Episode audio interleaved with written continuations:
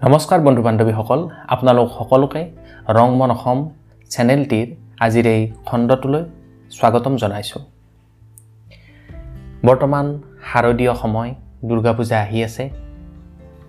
গতিকে এই দুৰ্গা পূজাৰ সময়ত মই মোৰ জীৱনৰ ব্যক্তিগত অভিজ্ঞতা এটা আপোনালোকৰ লগত শ্বেয়াৰ কৰিবলৈ লৈছোঁ। গতিকে আহক আজিৰ এই খণ্ডটোলৈ আগবাঢ়োঁ। দুহেজাৰ চৈধ্য চনৰ শাৰদীয় দুৰ্গা পূজাৰ সময় মই তেতিয়া ডিব্ৰুগড় বিশ্ববিদ্যালয়ৰ ছাত্ৰ। মই থকা পেয়িং গেষ্টটো প্ৰায় জনশূন্য। দুৰ্গা পূজা উপলক্ষে প্ৰায়ভাগ ছাত্ৰ ঘৰলৈ গৈছিল। প্ৰজেক্টৰ কিছু কাম থকা বাবে মই সেইবাৰ পূজাত ঘৰ অহা নাছিলোঁ।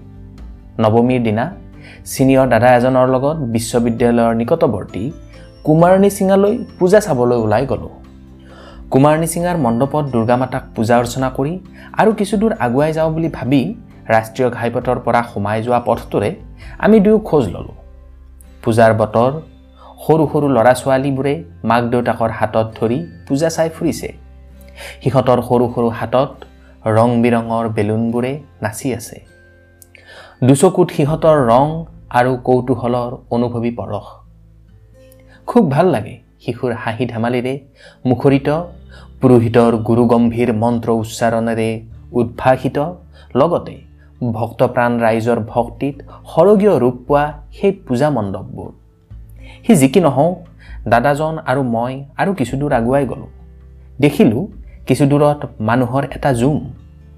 ঠিক পূজা মণ্ডপ নহয় জুমটো যেন এটা ঘৰৰ সন্মুখতহে জমা হৈছে। আগুৱাই গৈ দেখিলোঁ যে হয় ঘৰটোৰ আগফালটোৱে পূজা মণ্ডপৰ দৰে সজাইছে আৰু তাতো দুৰ্গা মাতাৰে পূজা এভাগ চলি আছে।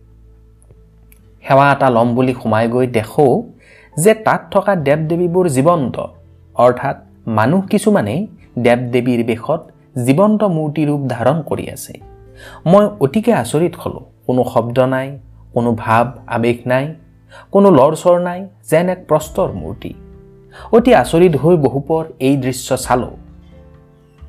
ইয়াৰ পিছত যথেষ্ট মানুহে ঠাহ খাই থকা ঘৰটোত প্ৰৱেশ কৰিলোঁ।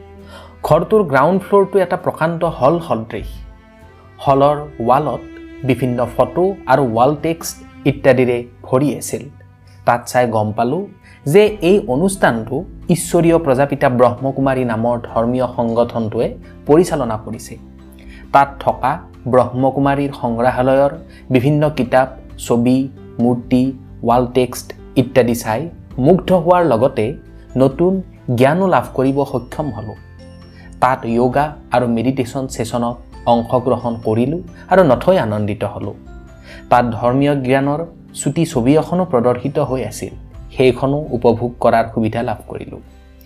এনেকৈয়ে অপ্ৰত্যাশিতভাৱে সেইদিনা দেৱী মাতাৰ পূজাৰ লগতে নতুন জ্ঞানৰ সম্ভাৰ লাভ কৰি আনন্দ মনে পি জিলৈ উভতিলোঁ।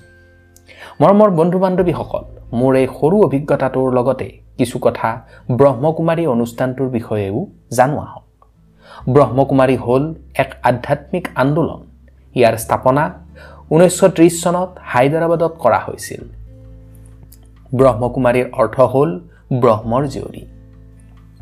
এই আন্দোলনৰ জন্মদাতা আছিল লেখৰাজ কৃপলানী।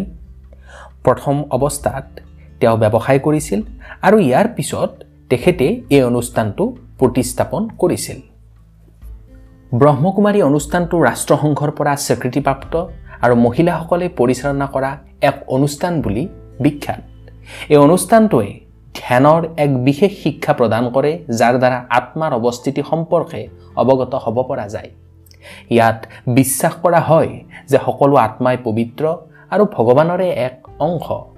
জাতি ধৰ্ম বৰ্ণৰ বিভেদ পৰিহাৰ কৰি একতাৰ সংস্কৃতি গঢ়ি তোলাত এই অনুষ্ঠানটোৱে যথেষ্ট গুৰুত্ব আৰোপ কৰে।